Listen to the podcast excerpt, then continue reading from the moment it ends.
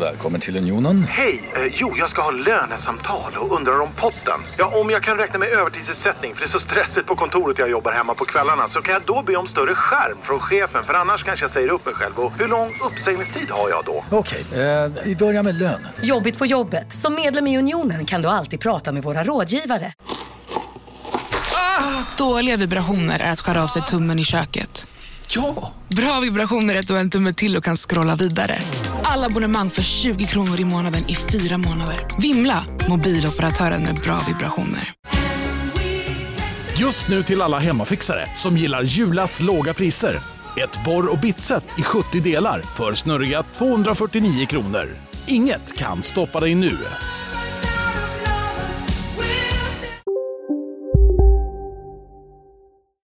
Live från Stockholm. Här är vi, Kulturbarnen, en podcast med mig, Ida Tirén. Och mig, Pontus de Wolf.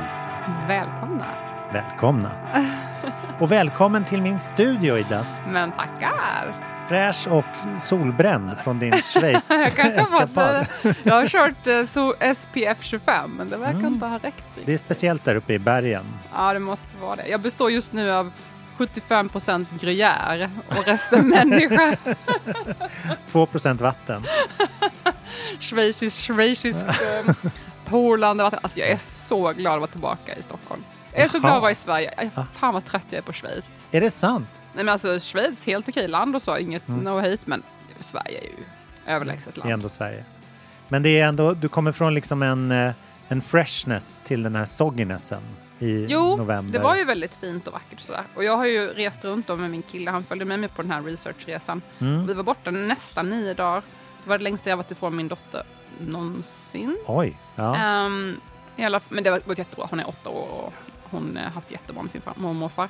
Men vi har umgått nonstop stopp då, jag och min kille. Och vi har varit tillsammans i, vad kan det vara, sju, åtta månader. Mm. Och vi har umgåtts nonstop i typ nio dagar. Och vi, man tänker ju att det ska slita på en relation. Det är första gången vi åker utomlands ihop och det är mycket så här resa och sånt. ja. Men det har gått hur bra som helst. Jag är ännu mer kär i honom. Gud vad perfekt. Och vi har typ aldrig bråkat med varandra. Så det känns jätteskönt. Och det är inte att jag är rädd för konflikt, men, utan det är bara att vi löser det som två vuxna människor när Mm. vi inte är överens. Så jag är lite i chock att det har gått så bra. Det kan tydligen vara bra för ett förhållande att vara mycket med varandra. ja, exakt. Who would have thought? Nej, men alltså, jag tror ändå att man ska ha lite så här, man ska ge varandra lite space. Mm. Det är väldigt stor believer, men det känns ändå väldigt positivt att det gått så bra. Jag Ja. hade ju inga tvivel, men det bekräftade min känsla. Ja, gud vad härligt. Mm. Här är det bara liksom novemberlov och folk är i Stockholm som om de vore amatörer. Jag har liksom inte sett så här mycket folk på två år, men det är fullt överallt. Ja, Jag tänkte liksom att så här, lovet, novemberlovet, halloween, ja men då, är det, då åker folk från sina hem. Men det betyder att de kommer till Stockholm. Mm. exakt. Är jag är så- här med min dotter till exempel. Ja, ja men ni är så Vi, välkomna. välkom- vi får komma. Alla andra lantisar kan stanna hemma. Eller vadå? Jag hörde det här först. Pontus får hotbrev. Ja, gärna skicka dem. Ja, vi var precis på Nordiska museet nu här innan jag och min dotter. Mm. Det var grymt. Jag kan berätta mer om det sen. Men det var ju som du säger mycket höstlovsfolk. Ja, men berätta nu. Vad det, Nej, de har en grej nere i källaren som heter Tidsmaskinen. Ja. Då är det för barn från åtta år. Eh, och då är det, har de byggt upp jättefint, det är mycket skolklasser som går dit också. Mm. Men då är det massa information, tidslinjer, ungefär från ja, men lite, lite när Nordiska museet började, så typ slutet av 1800-talet, Mm. och fram till idag. Och de pratar om andra världskriget, så man följer så olika barns öden under olika tider. oj, Och så- ja, ja, ur barnens perspektiv. Ja, så det är för, liksom. för barn, liksom, barnens historia Mm. barnens perspektiv. Och de har också byggt upp ett helt rum som är eh, från 89. Alltså Mhm. ett barnrum från 89. Mm. Så att alla vuxna helt tokiga. Bara, oh my god, det här är min barndom! alla vuxna blir helt till sig. Ja, men det var faktiskt fantastiskt. Och de hade en, en lång tidslinje på väggen med olika årtal som då är relevanta för barn. Här. ja. Då började folkskolan och då förbjöds barnaga och då förbjöds eh, barnarbete. Och Ja, Det var liksom en barnens historia.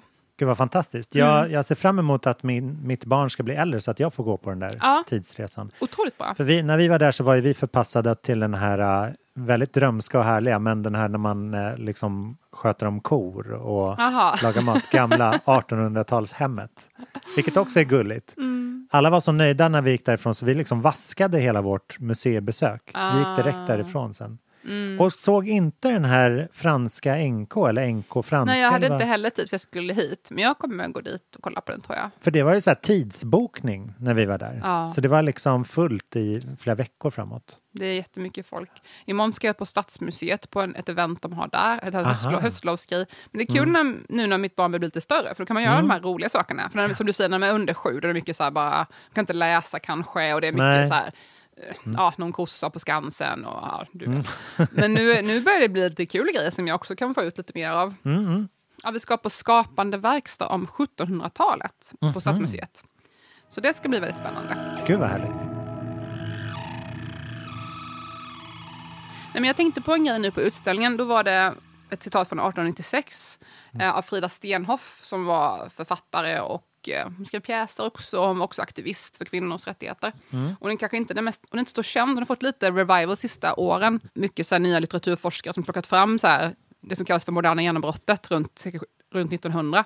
Så en, en, hon, hon är en av dem som har lyfts fram lite grann inom dramatik och sådär. Men hon har varit ganska bortglömd. Typ Ellen Key har fått mycket uppmärksamhet Just som det. var ungefär samma veva. Och Ellen Key, bara för de som inte har koll på henne, hon var ju kvinnorättsaktivist och barns rättigheter och sådär.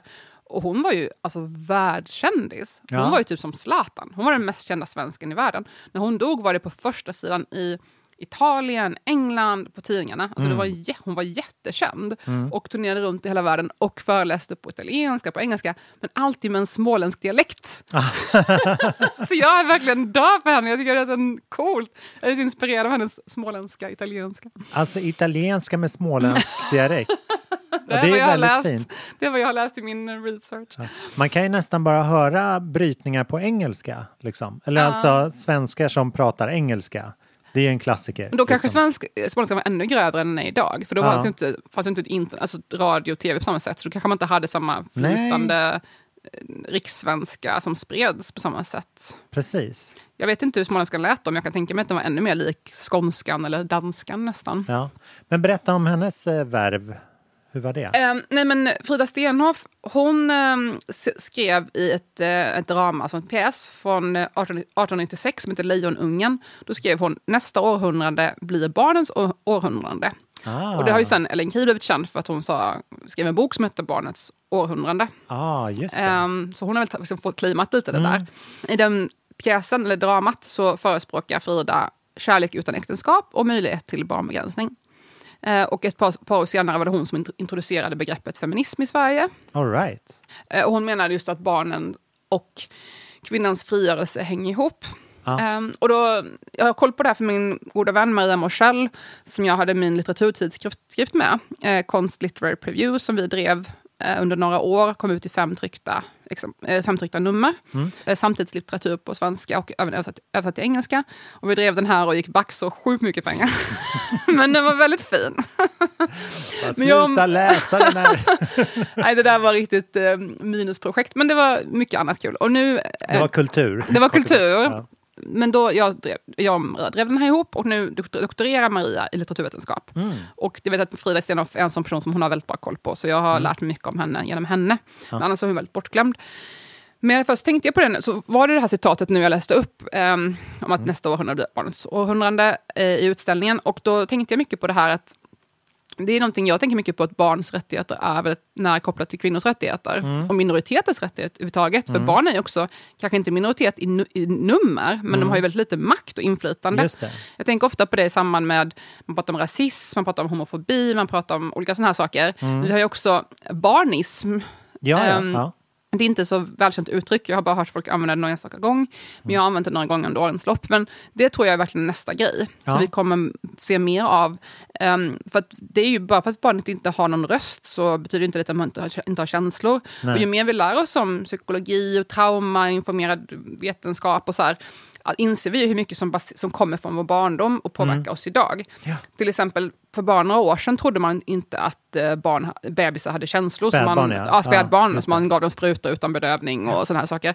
Så att vi, lär oss jättemycket hela tiden. Och Mm. det finns en metod att man ska låta barnen skrika och lämna dem i rummet. För, för då, de märker ju inte att man Mm. inte är där. Och man bara först så, så de bara, "Aha, varför, varför växer de upp och har massa problem med anknytning och liksom rädda att bli lämnade? Jag Ja. vet inte, oh, hoppsan. Ja. Alltså, för mig är det här väldigt viktiga mänskliga rättigheter-frågor. Mm. Och jag tänkte på det nu i samband med den här stora politiska rörelsen med barnmorskorna här i Stockholm som säger upp sig. Mm. Ja. Och även personal inom neonatalvården och jättemånga inom förlossningsvården i Stockholm eh, säger upp sig. För de säger de har protesterat i massa, massa år och politikerna skiter i dem. Mm. Och det är ju Region Stockholm, det är ju inte... Det är ju regionen som är, Ja. drivs av Moderaterna. Ehm, alltså inte riksdagen. Mm, Vad som håller koll på vad som är vad här. Och regionen har ju då inte lyssnat och de fortsätter klaga på att de inte får mycket resurser och måste spara pengar. Och de går, regionen går plus, fast förlossningen måste spara pengar. Mm. Och jag tror att när man säger de här orden, när jag säger förlossning, då slutar folk lyssna. För det här är osexigt, det är ointressant. och man inte Mm, det är själv, same old story. det är liksom. lite så aha, kvinnor som är gravida, ah, ja men skärp er typ. Jag tror att, och särskilt män tror jag faktiskt inte bryr sig jättemycket. För att när man kollar på såna underskriftslistor, det finns inga män, det är bara kvinnor som skriver under. Tänker, ah, men det är bara en kvinnofråga, de får lösa det där. Men jag tycker det är så viktigt att komma ihåg, ja, det är klart att det är en kvinnofråga, men det är också en fråga om barnen som föds, som får mycket sämre förutsättningar när vi har en sån, sån dålig situation i förlossningsvärlden i ett av världens rikaste länder. Ehm, och då har vi barn som kanske inte ens överlever, eller som får livslånga skador för att de inte får rätt stöd. Och de här barnen har ju alla möjliga kön, så Ja. det är ju inte bara kvinnofråga på det här sättet.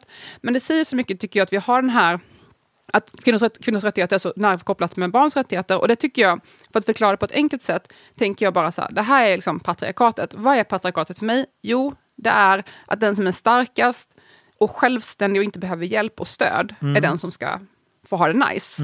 Och alla andra ska få lida. Och det är oftast en vit man, men det behöver inte vara det. Det kan också vara jag, en vit Ja, kvinna. ja. Men de som har mycket makt och tillhör normer i samhället, de ska, och kanske inte behöver så mycket stöd och inte är sjuka och inte har några funktionsvariationer, de ska få ha det liksom jättebra och alla andra ska få ha det dåligt. Just det. Ett, ett alternativt samhällsform skulle vara ett samhälle där alla har det bra. Mm. Oavsett vad de har för förutsättningar. Hur tänker du nu? Så att patriarkatet tror jag att man säger det ordet för att oh, hon hatar män. Det är ju inte det det handlar om. Det handlar om ett system där vi tror att den här självständiga, eh, bla bla bla, den ska ha bäst i världen. Och jag tror ju inte, det är också min säga, det är också min personliga tro, att ingen människa är självständig. Vi är alla delar av ett system. Jag är beroende av marken jag står på, jag är beroende av luften jag andas. Och självständighet existerar inte ens. Så därför tänker jag det är så viktigt att prata om det här med barns rättigheter. För det här är en fråga om hur vi ser på människor i stort. Ja. Ehm, så jag tycker det är intressant att se på den här utställningen och fundera lite kring hur det här syns än idag. Att vi inte ens ger ordentlig vård till nyfödda bebisar. Ja. Ja, så att det, man tror att vi har det så himla bra idag i med synen på barn och sådär. Och det har vi ju. Vi har ju en av få länder som har gratis skolmåltider. Det är bara vi och Finland och ehm, Estland tror jag det är som har det. Och det är bara vi som vi är jättetidiga med att förbjuda barnaga och så vidare och barnarbete och så. Men fortfarande ger vi inte riktigt rätt stöd till nyfödda bebisar. Nej. Så det tror jag är nästa frontier för rättigheterna. Just det. Jag har tänkt mycket på, om, om jag tar ur minnet, så i FN-konventionen så har ju barn rätt till sin egen tolkning av världen eller något sånt där. Eller hur? Eller att de, mm, de, inte liksom, säker på definitionen. ja, de, de har i alla fall liksom rätt att bestämma till en viss del och sånt där. Men skitsamma, Mm. Mer det här, det här kan andra poddar bättre. Men Ja. någonting som jag har tänkt på, som inte andra poddar har tänkt på, det är att det är så mycket av eh, barnens kultur, alltså kultur som är till för barn, som inte görs av barn. Mm. Alltså det finns, barn har ännu inget sätt att liksom, förutom att de ritar och målar eh, och liksom uttrycker sång och sådär, så finns det väldigt lite kultur för barn gjorda av barn. Mm. Om man säger, vilket är, jag tycker är, eh, och där är de ju beroende av vuxna för att komma till uttryck på Mm. något vis.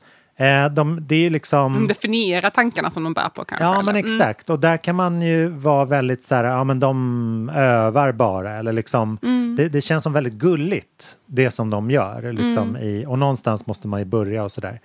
Men jag har tänkt på mycket, jag, jag kommer ihåg redan som eh, ganska musikaliskt barn, Mm. att jag tyckte mycket av musiken som vi sjöng var så här cringe. att, att jag tyckte det var pinsamt. Det finns en låt som heter ehm, Det gåtfulla folket. Mhm. En eh, Ola Adolfsson Får klippa in den här då. låt. Ja, precis. Barn är ett folk och de bor i ett främmande land. Går den. Och det tyckte jag var så här, varför sjunger ni om barn för barn. Varför ska Eller vi så här- sjunga om... Ja men exakt, så här, vi, är inget, vi är inget mysterium för oss. Varför ska ni liksom... Som vi barn är ett för Ja men okej, det, här får Främmande du-? Det det här får du sjunga i en låt för vuxna Ja. ungefär. Mm. Ehm, så allt det där, det är ju det är svårt. Men det, det leder in på ett annat ämne som, som jag tänkte komma in på. Om du känner dig klar. Mm. Som handlar mycket om så här, liksom, kultur med syfte och avsikt och vision och sådär. Mm.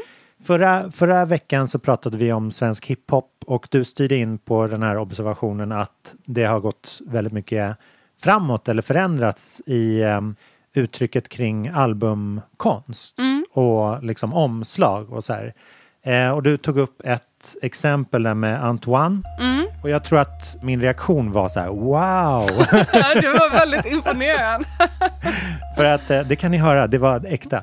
Eh, han har ju släppt ett album som heter Wow 2 just för stunden och det, det omslaget är ju fantastiskt. Alltså, det händer så otroligt mycket i den att min hjärna sa så här oj, här är någonting som jag inte har sett förut. Vad är det här? Liksom. Wow. Ehm, Och konstnären heter Wavy Talkin, vill jag Ja. på, återigen påpeka så alla vet det. Exakt. Detta kollade jag in på Instagram. En, en mystisk person. Jag ser att det är Ja. så här, Ingen vet vad han heter, eller han tror Nej, jag. jag såg vad någon hade kallat honom i kommentarsfältet. Men det, vi får se. Eh, anyway, så eh, han har ett Instagram med bara sex bilder som är liksom hans artwork och grejer. Jättespännande. Men där, där har han lagt upp det här Wow 2-omslaget med lite så man kan bläddra liksom hans, hur han har gjort det. Ah. Alltså så här skisser och lite mindmap och så här. Och så det, då såg jag att det var liksom ehm, att han hade byggt upp så här datagrafik och liksom jobbat i lager och tagit fram en så här färgkarta. Det här är färgerna jag ska använda och så där. Så det var liksom väldigt planerat och liksom dataillustrerat. Men jag, jag kände igen det för att jag tyckte det liknade väldigt mycket så här AI-konst. Eller liksom min, den, den nya så här, en så här teknologisk Så här virtual reality. Ja, men precis. Ehm, så att det, jag grottade ner i AI-konst. Vad kul att jag veckan. kunde, uh, led, inte leda men ja. Ja, Ja. ja. men jag kunde liksom Pon- inte, inte stanna riktigt. Va, Vad har vi på AI-konst egentligen? Jag inte, menar du alltså konst gjord av artificiell intelligens? Ja, precis. Inte av en människa? Nej men det har jag inte jätte, jätte koll på. Nej, det har, det har ju liksom varit, AI har ju varit liksom ett mode, ett modeord och ett lite läskigt ord Ja. senaste åren för att det är så här, artificiell intelligens. Vad kommer det göra?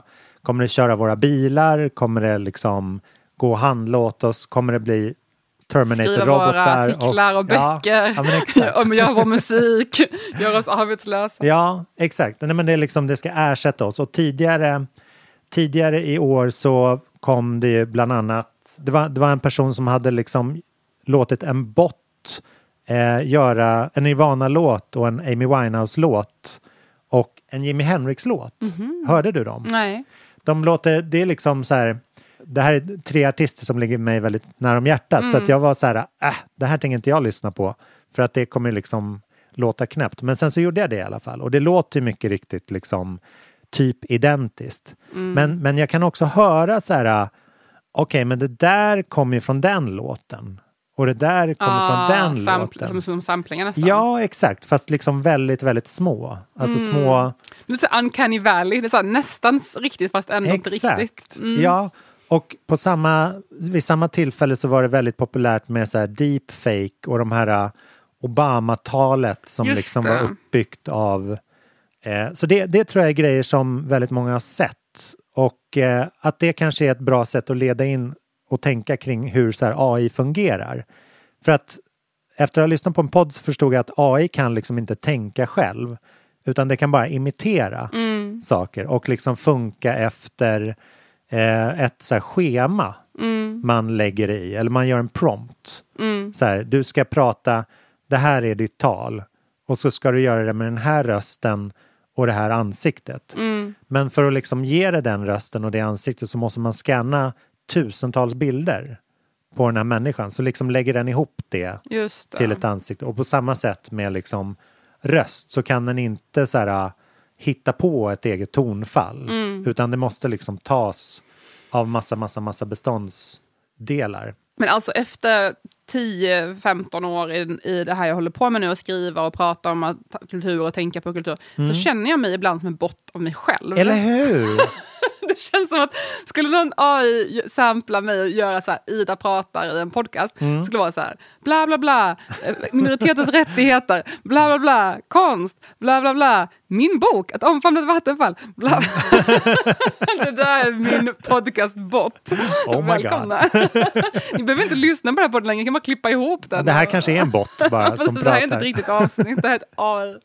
Ja, men exakt de parallellerna blev jag intresserad av också. Som så här, hur mycket liksom är vi själva? Här, parodi. Ja, att Parodi med så här, det jag håller på med är att jag skriver så här låtar som är tre minuter långa Mm. som har vers, brygga, refräng, vers, brygga, refräng och så stick, vers, refräng. What if God was one of us? Exakt. Just a stranger Ja. on the Och så ska det rimma så att det liksom det finns oändliga olika liksom varianter på det. Men jag är fortfarande beroende på så här, var någonstans ligger min röst? Var är jag bäst att spela på på piano för att Mm. det liksom ska vilka är tempona som liksom slår inom popmusik och allt Mm. sånt där. Så att även om det är liksom vi kanske är biljoner gånger fler, vi har mer möjligheterna än en AI, så känns det ändå liksom besläktat. Att man så här tar av det man kan. Typ. Alltså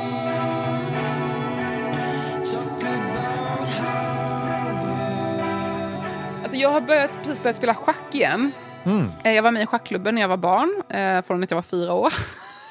All right. Det är en av mina Ja. kuriosa hela tiden. Eh, Jag var väldigt aktiv i schackklubben Mm. i Värnamo.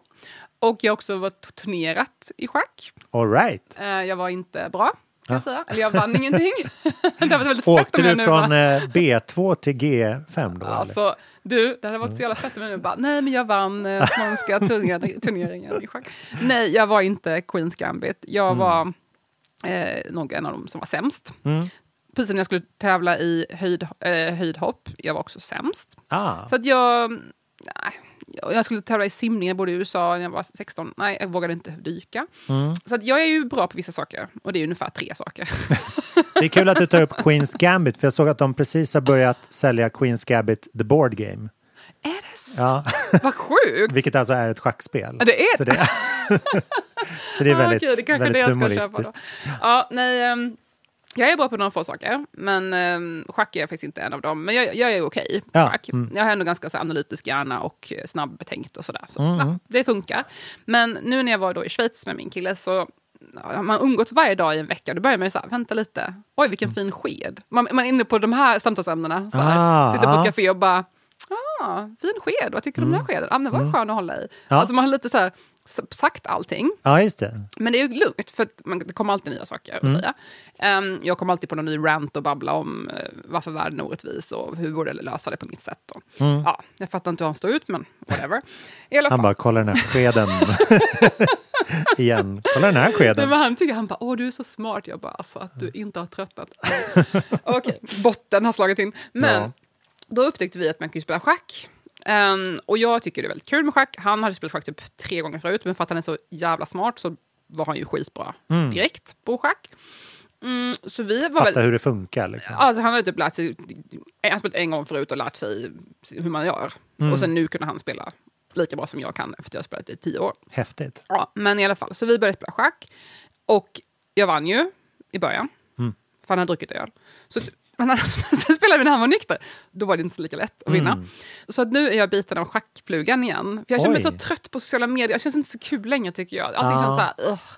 Det händer liksom inte så mycket nytt. Ja, men lite så här, Instagram känns som en bot av sig själv, apropå Ja, det här. ja. Och Jaha, jag precis vad som kommer komma i mitt feed. Jaha, nu har man på fest, nu är det någon bebis. Mm. Okej, nu kommer någon, ah, jag vet inte fan, politiskt meddelande om någonting. Mm. Jag orkar inte mer. Schack. Så att det känns kul och fräscht. Men, apropå det här med AI. Mm. Man har ju sett att AI är ju nästan bättre än människor på schack. Ja. Men det är ju för att det finns ju bara två, det är ju så binärt. Det finns ju Ja. bara antingen det här eller det här. Det, finns, det, finns det går ju att räkna ut. Det är ju som Ja. matte egentligen, hur man rör sig. Och då tänkte jag på det här, skillnaden mellan schack, till exempel, som är ett väldigt vackert spel. När man, när man förstår schack och så ser man ett riktigt bra drag. Mm. Det där är beauty. Alltså det är beauty. Man bara, oh my god, vilket, bra, vilket vackert drag. Mm. Alltså det kan verkligen finnas en skönhet i det. Jag kan verkligen gå igång på det där. Men det, det finns ju också viss begränsning i det. Det är ju inte helt... Det är ju inte som konst, att Nej. vad som helst kan hända. Det finns ju bara visst antal grejer man kan göra. Eller det här japanska spelet Gå. Är det så att man kan Ja. vad som helst kan hända? Nej men att det, det är mer, det, för att annars, blir, annars får vi lyssnar-mail. Så här, Aha. Varför tar ni inte upp det här i jämförelsen? Alla som säger så här, AI är bättre än människa på schack. Ja men inte i Go, ska man Aha, säga. Okej, Ja. ja. men då, Okej, då har vi sagt continue. det. Ja. Ehm, men då tänkte jag, jag tänkte mycket på det här under årens lopp. Jag läste man har ju sådär ändå följt Mm. den här debatten under många år och försökt fundera kring det och vad kommer hända med automatiseringen och Mm. hit och dit. Jag längtar väldigt mycket till automatiseringen av självkörande bilar, för jag har inget körkort. Så jag har Ja, verkligen längtat efter det jätteskönt. här. Så det är positivt. Ehm, men då, ja, min tro är ju att det finns något lite magiskt i skapandet av kultur. Just. Ja. Eh, Det finns nästan så här lite alkemi över det. Man stoppar in en grej och en annan grej och plötsligt kommer något helt nytt. Ja. Och jag tänkte mycket på det här. Det finns olika konstformer och alla har ju sina egna begränsningar. Exempel läste jag en bok om en arkitekt nu precis i, under researchen till min bok. Ehm, och då tänkte jag mycket på arkitektur i förhållande till eh, som en konstform. Ja. Och det finns ju vissa arkitekter som har verkligen, eller arkitekter som man säger, men jag säger arkitekter. Mm. Jag vet att det är ett kontroversiellt ämne. Skyller på småländska. Um, men att vissa arkitekter, till exempel under, efter, världs, efter första världskriget, exempel, när det inte, inte fanns några pengar i Europa, hade helt fantastiska idéer, men kunde aldrig bygga det här, för det fanns Nej. ju inga pengar och allting bombades och sådär ändå. Ehm, så det finns ju bara skisser av deras verk. Just men de är ju lika bra och innovativa arkitekter för den sakens Ja, skull. visst. Men de har aldrig byggt någonting. Nej, nej. Och det är lite som man tänker sig en skådespelare som är världens bästa skådis men aldrig har uppträtt. Ah, Alltså, ja. är du det eller är du inte det? Ja. Eh, och det tycker jag är en otroligt lyxig grej med att hålla på med skrivande till exempel. För det är en av, och även musik till en viss del. Alltså, Mm. Ja, nej, jag- jag viss del. precis. Att man är ju aldrig begränsad av det yttre på det sättet. Alltså man kan Nej. inte sitta i en fängelsecell och skriva en roman om man bara Ja. har en bit papper. Nej, men visst. Det finns ju ingen annan konstform som är så målande. Okej, man kan alltid få tag i lite färg kanske. Mm, Ehm, och även då musik, sjunga och sådär. Kanske inte rätt instrument. Mm. Men till exempel en skulptör har väldigt svårt att göra det där. Kanske man får sand eller någonting. Mm. Men det går ju säkert att lösa. Men vissa konstformer är ju verkligen omöjliga utan ekonomi. Verkligen. Eh, Jag tycker det är en spännande sak att fundera över.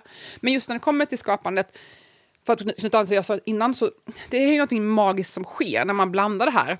Pappret och pennan och så har man plötsligt ett hus som är en byggnad. Alltså, det, det finns någonting i det, eller penseln och färgen i sig, två materiella delar. Och så plötsligt blir det ett konstverk. Ja. Det är ju som alkemi, alltså, det, är ju, det är ju trolleri nästan. ja, men verkligen. Eller en pe- penna och papper och plötsligt har du en roman. Som bara, Nej, men det, folk, alltså många tycker nog att det här är... I april i år så kom det just ett, så här, en AI som kunde göra porträtt. Typ. Ja. Ehm, och så här, här är ett porträtt och det, då var det ett sammelsurium av liksom eh, tusentals miljoner olika porträtt som den hade läst in och så här, det här är ett porträtt och så står formen längst ner i hörnet som så här, slå ihop det på det här sättet och då blir det det här porträttet. Liksom. Och väldigt många kan ju känna att så här, det här är bara humbug. Jag, mina ögon accepterar inte det här som konst. så för liksom. trolleriet finns inte, mag- magin finns inte Nej, där. precis. Jag har liksom inte, jag är inte övertygad Mm. om, jag kan inte ta på det. det. Det finns än så länge ingen robot som kan hålla i en pensel och liksom utföra det praktiska Mm. med, med liksom mål, målarpensel och material och de, de kan inte känna doften av oljefärgen liksom, Mm. och sånt där. Att det liksom, det blir en, det finns en, eh, en taktilitet som försvinner. Liksom. Det blir så tillrättalagt också. Mm, Det är ju det som jag tycker ibland min största kritik, särskilt mot amerikansk samtidslitteratur, Mm. är att den är så otroligt genomarbetad att det känns nästan som en bott. Alltså det är så himla tillrättalagt och perfekt och det finns inte minsta lilla misstag. Nej, nej. Och då blir det så här, ja vad fint. Okej. Ja, ingen friktion. Liksom. Jag går inte igång på det där riktigt känner jag. Men sen så var det intressant, jag började följa en, eh, en twittrare som heter eh, Rivers Have Feathers. Som är en, så här, som är en, en AI-generatorkonstnär, kallar hon sig. Ah. Eh, som är jättespännande, som, eh, som just så här bygger egna formler och liksom laddar in, laddar in färg och form och allt sånt där. Liksom bygger sina egna AIsar och sen gör hon en formel och så låter hon den generera en bild. Eh, och sen är det så här, det verkar vara som frustrerande konstform för att med en, med en vanlig dator liksom eh, så tar det liksom en Synoptik här. Visste du att solens UV-strålar kan vara skadliga och åldra dina ögon i förtid?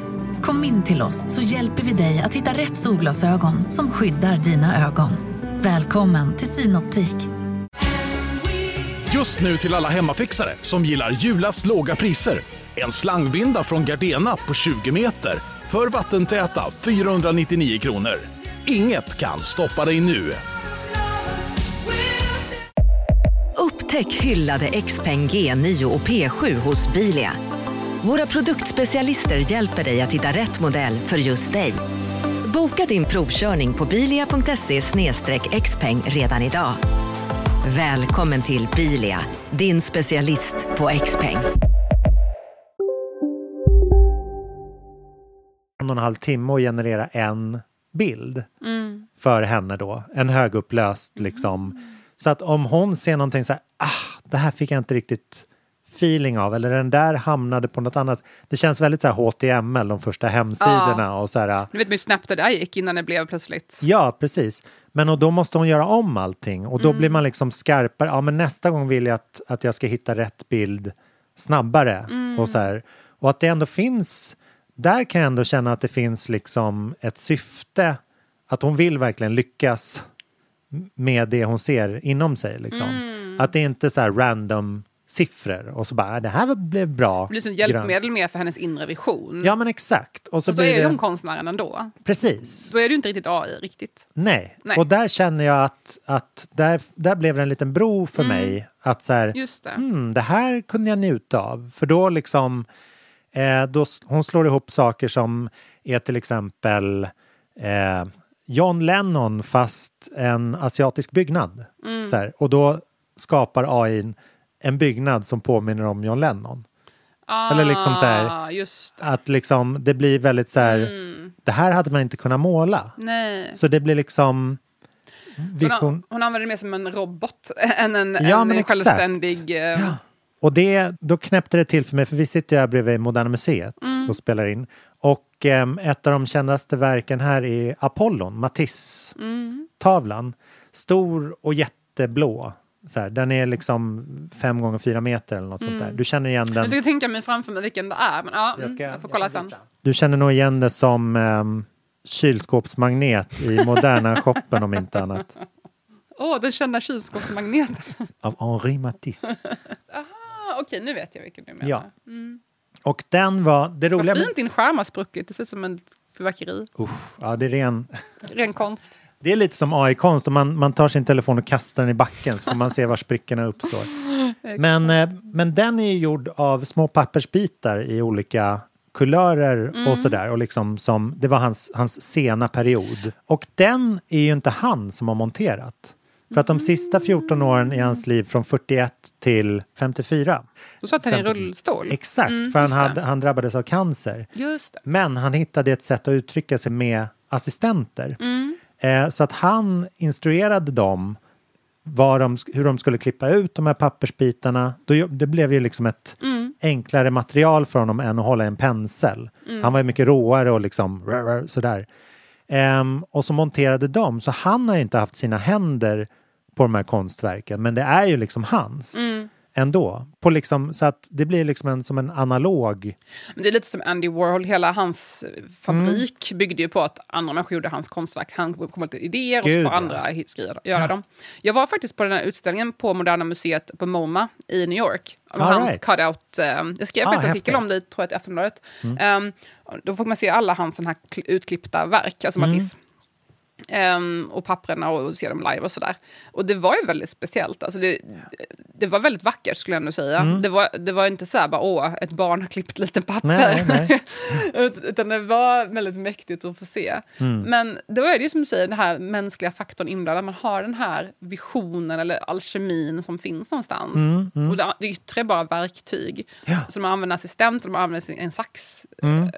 Mm. Det är ju bara yttre materiella verk. Ja, Nej, men och, och folk har ju liksom, särskilt under 1900-talet så har ju folk eh, haft väldigt svårt att acceptera konstnärer som Warhol Mm. och eh, Jackson Pollock och sådana här som liksom låter slumpen eller som målar i trans eller på droger. Att det, är så här, det har varit svårare för folk att acceptera. Mm. Då ligger det ju på sätt och vis närmre ett barns konstverk. För att det Mm. liksom inte har det här medvetenheten i, i uttrycket och liksom resultatet att göra. Mm. Eh, och med tiden så har ju det liksom mer och mer, men man har ju fortfarande inte liksom, man fnyser ju lite åt barnkonstnärer eller apor som målar eller hästar som de sätter en pensel i munnen Mm. på och så här. Mm. Var liksom går gränsen för jag kommer bara acceptera att det här är vackert om jag vet att det är gjort av en människa. Som Liksom. har gått på konsthögskola. Ja, exakt. Eller om det är ren natur. Utan liksom, jag gillar träd och solnedgångar i verkligheten, men inte liksom... Ja, men förstår vad jag menar? Ja, men jätteintressant. Mm. Ehm, jag tycker det är intressant. Jag tycker den frågan är ganska tydlig även när det kommer till konst, alltså i konstvärlden. Så att det är väldigt mycket att man ska gått på rätt konsthögskola och sådär. Annars Mm. är, det inte, är man inte riktigt konstnär. Varför jag får kalla sig för konstnär? Ja. Det är ju lite sådär Ja, verkligen. redan. Ja. Men det där är ju snäppet längre. Ja.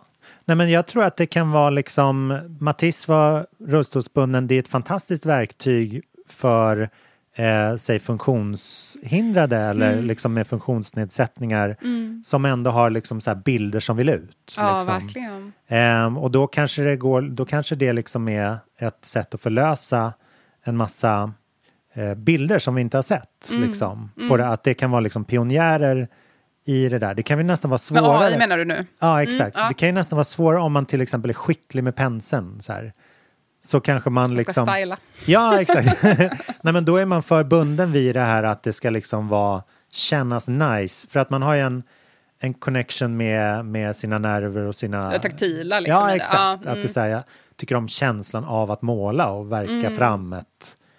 Eller, eller framföra en låt. Eller, Det finns ju vissa som menar att man håller på att klaga nu på att barn, umgå- barn använder så mycket um, digital i skolan och Mm. inte läser skriva för hand på samma sätt. Mm. De lär ju inte ut skrivstil längre till exempel. Skrivstil? Mm. Nej.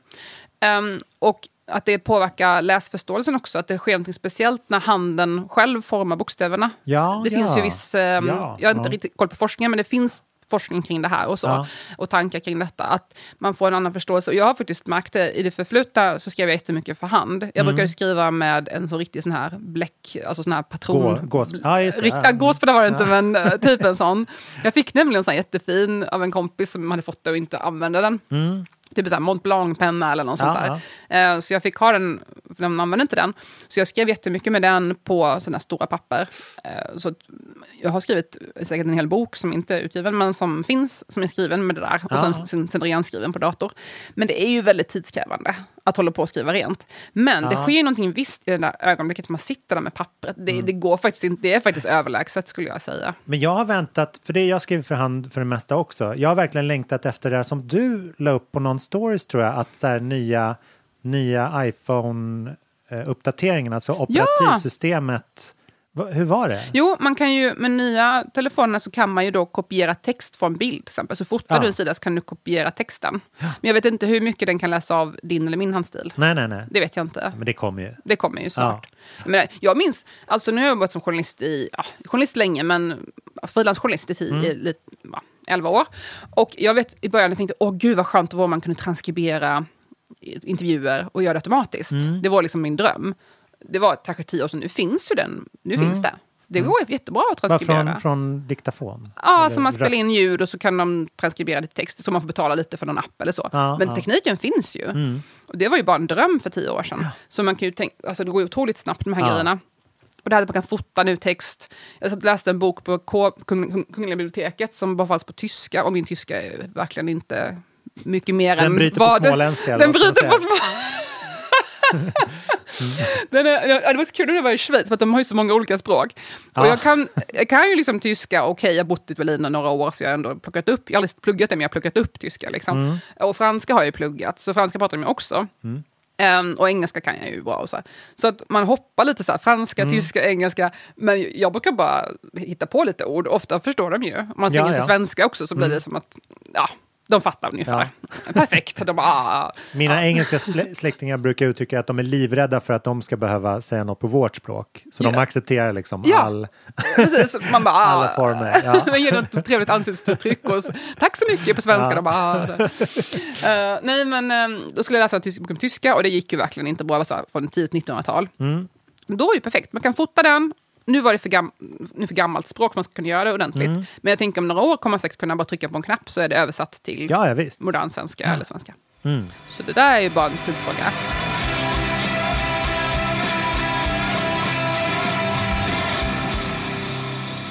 Det kanske är där i den liksom enkla formen som AI kommer göra en skillnad för oss Mm. i vardagen. Mm. Till exempel så är vi så här, eh, vi ser oss själva som jättebra fotografer nu och liksom att vi får till så fina ansikten. Det var en grej som jag lärde mig att, att AI är nästan bäst på, att känna igen ansikten.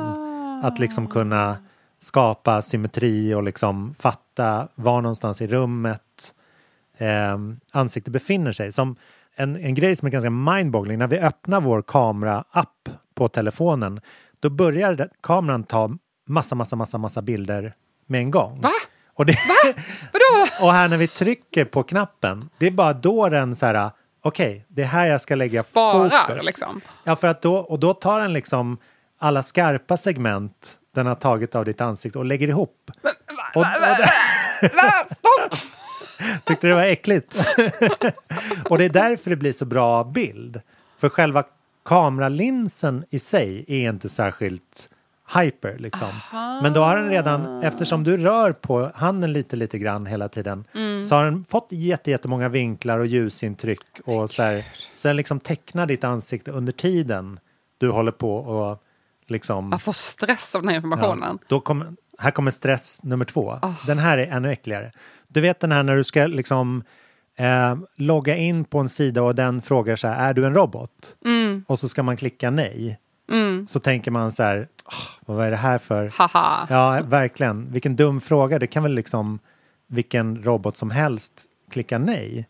Mm. Eller så är det så här, klicka i alla... Roboten bara, ja, ja en robot. Klicka i alla så här, rutor med övergångsställen Mm. eller motorcyklar eller trafikljus. Och man bara så här, vad är det här för ett liksom 1990-talet ringde och ville Mm. ha sin JPEG tillbaka. Men det är inte det den kollar, att vi vet det, utan den kollar var någonstans i rutan vi klickar. För att de tidiga bottarna klickar i exakt i mitten av övergångsställena och gick snabbaste vägen till nästa ruta. Så, så att det är så man vet att det är liksom... Och vi är typ långsammare än en robot Ja, vi är jag. superoregelbundna, klickar i hörnen vänta lite. och allt sånt där. Ja, s- så här. Och liksom, vi har ingen chans att trycka med exakta tidsmellanrum i, exakt i mitten på alla Mhm. rutor. Och sen blir liksom bottarna blir mer och mer sofistikerade och försöker lura det här. Men det är ett väldigt så här, för, för oss som människor så är det en väldigt enkel så här, är du en robot? Nej. Men för en robot så är det jättesvårt att verka som en människa Ah, i dem. gud. Och på samma sätt så är de svindumma tydligen när det kommer till så här trafikskyltar. Eh, skyltar. Att om det är en 30-skylt så kan den säga till din bil så här, här är det 30 och så står det 30. Men om man sätter ett litet, litet klistermärke med en annan färg på den skylten så fattar den inte vad det är för skylt. För då är den liksom, då, den, här, den här skylten känner jag inte igen. Vad är det här? Liksom. Okej. Så att den, den har massa sådana liksom begränsningar som gör den jättedum. Mm. Antingen jättesmart eller jättedum. Ja. Beroende på hur vi liksom... Jättebra på schack men dålig på att skriva böcker. Ja, exakt. Den kan inte, den kan inte vara klant, den kan inte vara klantig om man inte har lärt sig den. Mm. På samma sätt så är det så här, det var en revolution inom tv-spel som kom av sig. Jag spelar mycket tv och dataspel. Mm. Som så här, då trodde man att AI, ja men det kommer göra att alla fiender är mycket mer verklighetstrogna. Att liksom... Och liksom spelet. Ja, Mm. exakt. Och att det blir liksom svårare men mer dynamiskt och kul att liksom ta sig igenom. Men det visade sig att det blev jättetråkigt för att de kan ju inte liksom skjuta lite snett. Utan då så här, om en AI lär sig hur du går, då kommer man förlora varje gång i spelet. Så det blir inget roligt att spela. Ah, Men för bra. Ja, precis. Alltså det blir, och det blir inte verklighetstroget heller, för det finns inga Mhm. människor som är så exakta liksom. Så det, där har man kommit på att så här, där är det smartare om vi skriver scheman som människor. Och så här, Men slumpen är ju mer spännande. Det, det, man vill ju känna Ja, att det ja. finns... Det är det som jag tycker är problemet med slutna leksaker överhuvudtaget. Mm. Alltså, jag är ju väldigt... Säg vad man vill om Waldorf hit och dit, men jag tycker ju att det finns någonting med, i alla fall Waldorf, Waldorf-leksaker, eller den teorin kring leksaker, Mm. vilket är mycket egentligen inte bara exklusivt, för Waldorf, men det är ju bara idén om öppen lek. Mm. Typ, har du ett, ett um, byggklossset, det kan göra precis vad som helst. Det här klossan kan bli ett, en affär, det kan bli ett Mm. fort, det kan bli en mur, det kan bli en hund. Um, Medan om du ger dem en leksak som blinkar och man trycker på en knapp så låter den på visst sätt. ja. Det är det du kan göra med den leksaken. Ja. Det finns en sak att göra eller två saker och det är det. Det finns inget möjlighet. Och till viss del är ju faktiskt tv-dataspel, hur mycket, hur mycket den känns som en öppen, möj, allt är möjligt, är det ju sluten system. ja, visst. Det finns ju bara en viss gräns. Och det tycker jag är ett problem när barn idag så mycket exponeras för leksaker, kultur, möjligheter som allting är slutet. Ja. Så, aha, du lägger upp en bild på internet, du får like eller inte like. Alltså, Det är så binärt. Du har inte det här expansiva, öppna Nej. på det sättet som byggklossar har till exempel. Eller en, en docka eller en, en kotte, vad vet jag, ute i naturen. Inte för att bara säga, åh vad bättre man lekte med pinnar. Och... Men jo, faktiskt lite. För hjärnan är det ju väldigt mycket bättre. Jag har, alltid varit, jag har aldrig gett min dotter särskilt mycket leksaker. Hon har typ aldrig haft leksaker för nu nästan. Eh, dels för att jag inte haft några pengar. Men också för att jag är så här, här är en låda. Ja, ja, ja. Har det så kul. Och det- som händer när man gör sådär är ju att barn först blir lite irriterade. För att det är klart att alla vill ju ha en quick fix. Ger du barnen en tom kartong eller en iPad, de kommer förmodligen välja iPaden. Precis som att de kommer antagligen kommer välja en godisbit före en morot. Liksom. I de flesta fall. Ehm, men jag sa, du får inte leka med iPad. Sorry. Uh, jag, du kan hata mig, men du kommer tacka mig sen. Men här, varsågod, en låda. Och då kan man ju tycka att jag är en fruktansvärd person. Men fan vad hon kan leka med den här lådan. Alltså det är så mycket så- saker de byggt av olika lådor. Jag har, jag har mycket bilder som helst av olika lådor som har blivit till affärer, till hus, till djur, till, till en lång karavan av hem för olika djur. Alltså, Ja. Det finns så mycket som helst. Och det är just det här öppna möjligheten. Och det kanske vi kan få en AI att göra visserligen också. för att det har inte det här temat. Men jag tror, jag tror ändå på det här med öppen lek. Ja. Och mm, det blir lite, lite mer spännande och roligt och magiskt när man får leka sådär. Och även för oss vuxna menar jag. Det är ju så man framför en vit canvas och ska måla. Det är ju lite motsvarigheten för en vuxen. Verkligen. Jämfört med så, aha, tv-program som jag vet kommer hända. Och som kommer, Man känner sig jättesmart när man kollar på det, men det är för det är skrivet av ett rum av 20 smarta personer. Som ska få en att känna sig smart när man kollar på och kan lista ut vem mördaren är Ja. innan det har hänt. Och där var ju lite så här, det var ju också en, en grej som man tog sig förbi på 1900-talet när du nämnde vit canvas. Så här, Mm. Varför ska den vara fyrkantig för? Eller Mm. liksom varför, vad har vi, varför är vi beroende av den avgränsningen? Liksom? Ja. Alltså, det är en så här grej som tas för givet genom just konsthistorien. Mm. Att så här, ja men man ska måla på en fyrkant. Liksom. men det har väl säkert att göra med liksom ens field of view och allt sånt där. Att man liksom har, det verkar vara det som tilltalar flest. Minsta Men det finns ju vissa former som tilltalar oss som människor. Jag har tänkt mycket på det här sista tiden. Vissa former är ju bara obehagliga, typ röriga former. Det, är ju, det är ju det som i, naturen är, så här, virus, bakterier, mögel. De har ju en viss form, så här, ojämn. Och till exempel om du har en leverfläck, om den leverfläcken får ojämn eh, form, Ja, alltså konturerna blir ojämna, då är det ett tecken på att du kanske har cancer. Ja. Men har den jämn form, då är det lugnt. ja. och då ser man den ju inte. Eller liksom Nej, man, då är den bara en del av kroppen. Eller har du ett, ett färskt fint äpple, då är det runt. Har du ett ruttet äpple så börjar det skrumpna. Det, det, det antar den här lite oregelbundna formen. Så det finns ju någonting väldigt djupt. Jag tror vi har liksom djupt sittande an- arketyper i oss som uppfattar omvärlden på olika sätt. Ja. Och då baseras det mycket på de här formerna som är bekanta och obekanta. Samtidigt gillar vi inte kvadratiska konstverk i samma utsträckning. Liksom. För då händer det ju ingenting. Utan att vi, vi gillar när det liksom finns en, en annan proportion. Ja, I- precis. En lång eh, rektangulär Ja, form. exakt. Kvadratisk skulle kännas lite trångt på Ja, något sätt. utom på vinylskivor. slår det mig. Mm. Ja, fortsätt.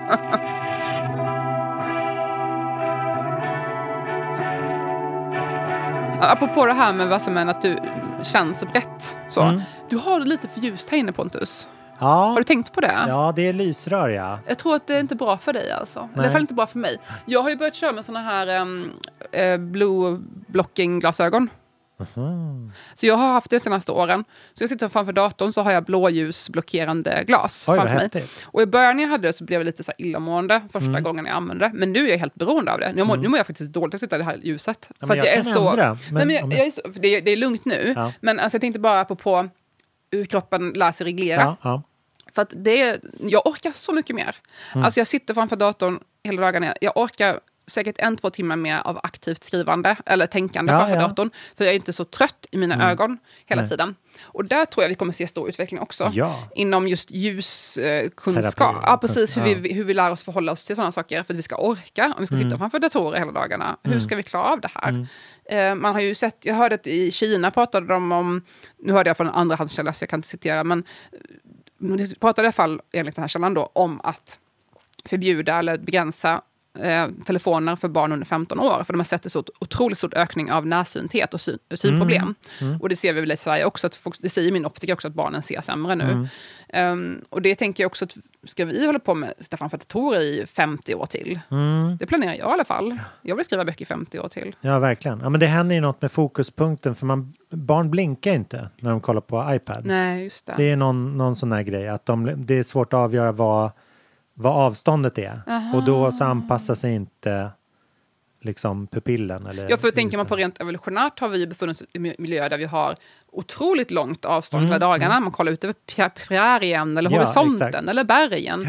Och man skiftar fokus hela tiden. Ja, För saker på olika Nära och långt avstånd. borta. Och nu ja. är liksom bara, även om man inte sitter framför datorn, sitter man i ett rum. Mm. Så det är bara begränsat kanske 10 meter max som man får Visst. över ögonen.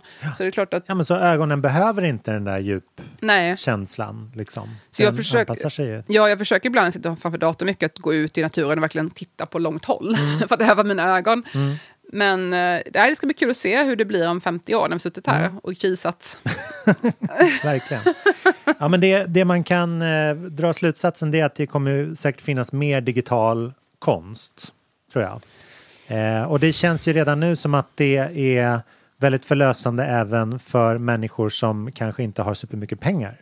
Mm. Alltså det är en form av, jag tycker det är spännande att ha hittat in till det här för min egen del, bara av en slump kanske, genom hiphop. Mm. För att det är liksom, hiphop startade också som ett liksom, på ett sample-sätt. Ja, Att man säger, okej, vi har inte alla de här liksom fysiska instrumenten eller sånt för att liksom framföra vår konst. Men vi gör det på det här sättet istället med vår helt vanliga laptop. Liksom. vi samplar en gospelkör istället. Eller Ja, en, en symfoni. Och, Eller en trumma eller- Ja, sen är det också det här each one teach one, att man liksom för vidare kunskapen. Mm. Så det är också fint. Ja, men det, jag tror att ehm, man ser nog liksom mycket av pionjärerna inför framtiden utan att vi tänker på det. Mm. För vi kanske tänker på det som en så här, ja men de har gjort coola omslag på en skiva men det är där själva verket som så här, eh, framtidens konst finns. Mm. För att vi tar in så mycket via skärmar och digitala miljöer och sånt där att vi, vi kan egentligen, vi ser väldigt lite skillnad på på Instagram om ett verk har skapats med oljefärg eller med liksom digitalt. Ja, som litet format i alla fall. Ja. Nu har vi inte ens varit inne på NFT. Nej, det får Det är, en helt, det är ju ett helt avsnitt i sig. verkligen. Kortfattat för de som inte vet vad det är. NFT är ju ehm, alltså digitala konstverk, Mm. lite som giffar eller memes och sådär, som man kan köpa och som har varit en stor boom nu under pandemin. Mm. Ungefär ett år sedan skulle jag säga, eller knappt ett år sedan, blev det en jättestor boom inom NFT. Mm. Och då är det folk köper, äger de här digitala konstverken och sen har det varit massa problem med bluffar och båg hit och dit Ja. och uppblåsta pengar och någon plötsligt blir miljonär från ingenstans. Och Mm.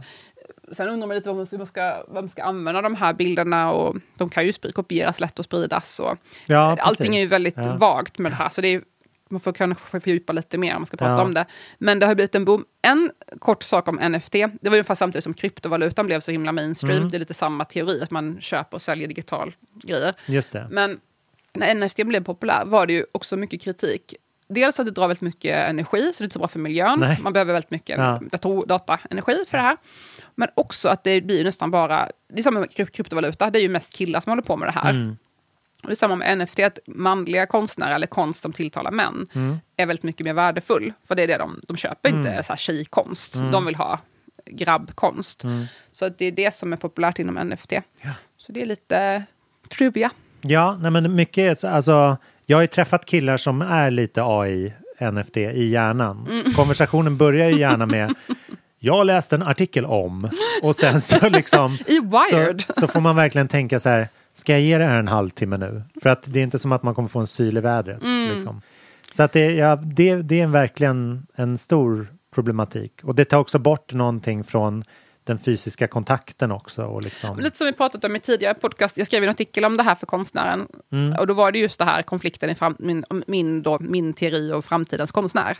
Ja. Och då var det ju det här jag pratade om, att en konstnär var digital konstnär och en konstnär var målade för hand. Mm. Och att det var då lite lyx, att de sa, ja, ni diggisar, Mm. kallar jag det i texten då. Att det, det blir som en klyfta mellan två Mm. världar, de digitala och de analoga konstnärerna. Ja. Det var lite min förutspåelse för 2050 års konstnär. Ja, just det.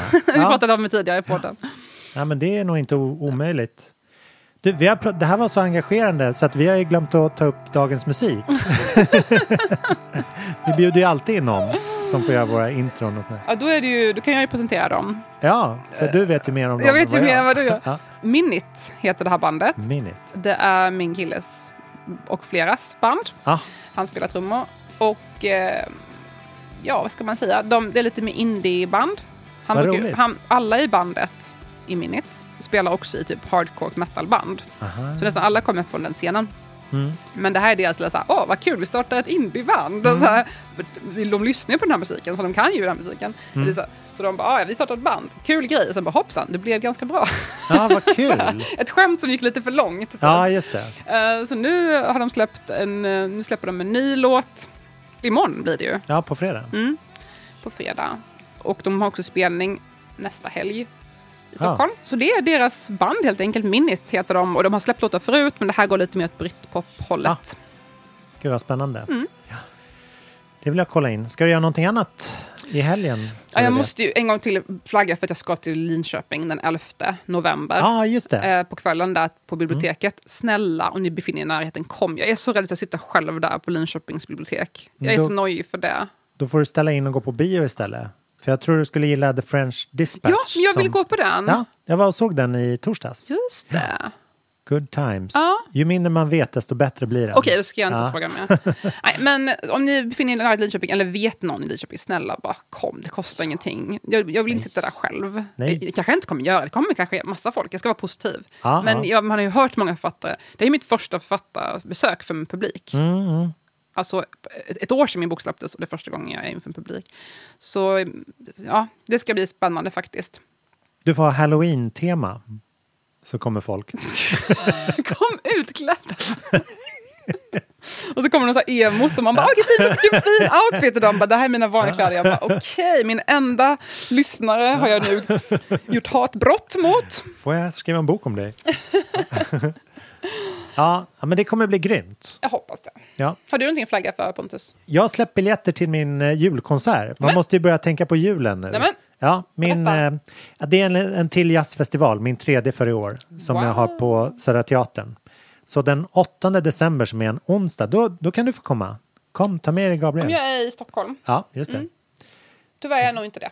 Nej, jag förstår. Men säg bara ja för lyssnarna. jag, jag vill jättegärna komma, jag kommer. Nej, men det kommer bli helt grymt. Jag har släppt massa jazzmusik under året, så det här blir liksom Jag var ju på din förra gästfestival och den var ju jättebra. det. Ja, det är ett fantastiskt hus. Så det är väldigt roligt Mm. och pompigt att gå på konserter. Så ska man bara se en julkonsert i år så tycker jag man ska komma till Mm. Södra Teatern den Och jag tycker om man vill kolla på lite konst vill jag tipsa om Accelerator som är ett samarbete med Stockholms universitet som har en jättespännande utställning just nu. Mm. kan man tipsa om. Nej men eh, vad kul att du kom hit och fick, eh, fick, vi fick ses i verkligheten. Det är alltid bra. Så kul att ses i Ja, verkligheten. passande under ett sånt här temaavsnitt. Mm. Det blev det. Ja, Mm. fint. Ha det bra ni alla där ute. Tack för att ni lyssnar. Ja, och glöm inte igen. att sätta betyg om ni tycker det är bra. Verkligen. Och eh, prenumerera och Instagram ses vi på också. Mm. Prenumerera, dela, tipsa kompisar om de vill ha en mysig podcast. Ja, det blir toppen. Mm. Ha det Hej då! fint. Hej då!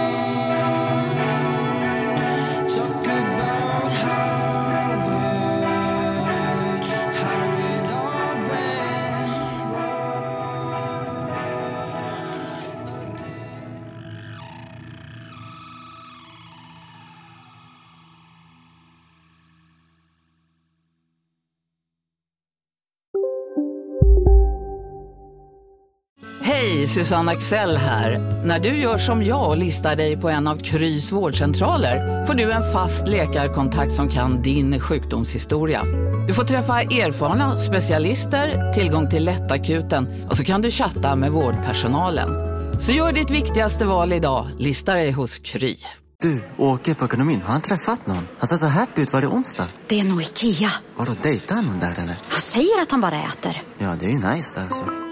Missa inte att onsdagar är happy days på IKEA. Fram till 31 maj äter du som är eller blir IKEA Family-medlem alla varmrätter till halva priset. Välkommen till IKEA. Nu ska du få höra från butikscheferna i våra 200 varuhus i Norden. Samtidigt. Hej! Tack. Jo, för att med så många varuhus kan vi köpa kvalitetsvaror i jättevolymer. Det blir billigare så. Byggmax. Var smart. Handla billigt.